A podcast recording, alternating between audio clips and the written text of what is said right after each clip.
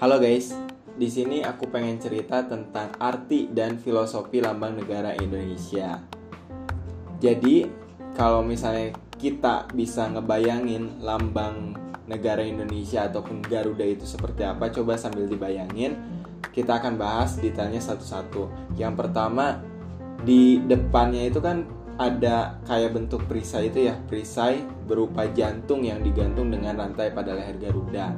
Terus karena kita itu merdeka tanggal 17 bulan Agustus yang tepatnya adalah angka 8 kemudian tahunnya adalah 1945 kita detailkan di lambang negara Indonesia.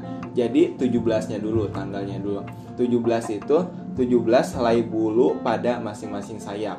Sedangkan yang 8 ataupun Agustus itu 8 helai bulu di bawah perisai atau pada pangkal ekor. Kemudian kita masuk kepada tahun 19-nya dulu. 19 itu adalah 19 helai bulu di bawah perisai atau pada pangkal ekor. Sedangkan yang 45-nya 45 helai bulu leher. Nah, di kakinya itu Garuda itu mencengkram semboyan Bhinneka Tunggal Ika tertulis di atas pita yang dicengkram oleh Garuda.